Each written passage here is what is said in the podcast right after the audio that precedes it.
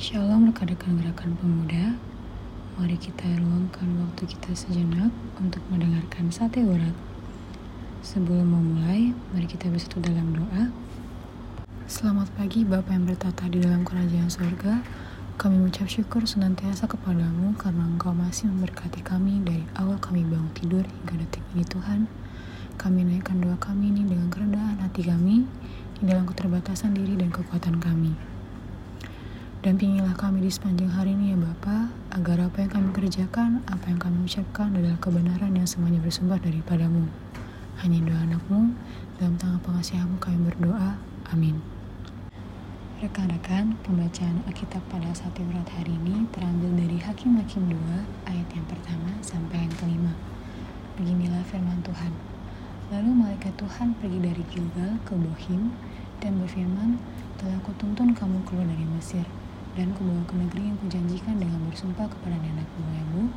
Dan aku telah berfirman aku tidak akan membatalkan perjanjianku dengan kamu untuk selama-lamanya. Tetapi janganlah kamu mengikat perjanjian dengan penduduk negeri ini mesbah mereka haruslah kamu robohkan tetapi kamu tidak mendengarkan firmanku. Mengapa kamu perbuat demikian?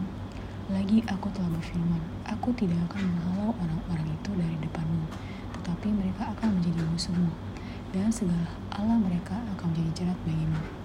Setelah malaikat Tuhan mengucapkan firman itu kepada seluruh Israel, menangislah bangsa itu dengan keras. Maka tempat itu dinamai Bohim. Lalu mereka mempersembahkan korban di sana kepada Tuhan.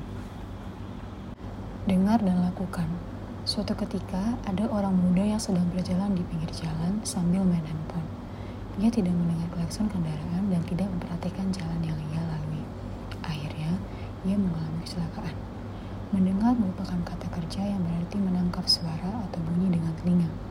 Jika orang muda itu mendengar klakson kendaraan, tentu ia akan mengarahkan pandangannya ke sumber bunyi dan kesalahan itu tidak akan terjadi.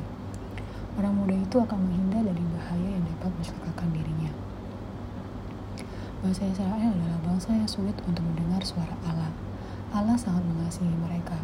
Allah menuntun mereka keluar dari Mesir dan masuk ke Kanaan. Kanaan bukanlah negeri yang tanpa penduduk. Karena itu, Allah berbicara kepada bangsa Israel melalui malaikatnya agar mereka merobohkan mesbah orang Kanaan.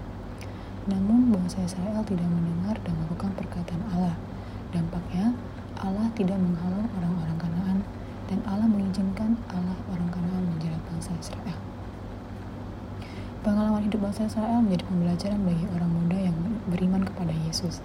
Yesus adalah Allah yang menjadi manusia, ia menganugerahkan roh kudus dalam diri manusia yang percaya kepadanya. Roh kudus akan menuntun, mengingatkan, menguatkan, dan menghibur. Sebagai orang muda yang beriman, hendaknya saudara mendengar perkataan Tuhan melalui tuntutan kuasa roh.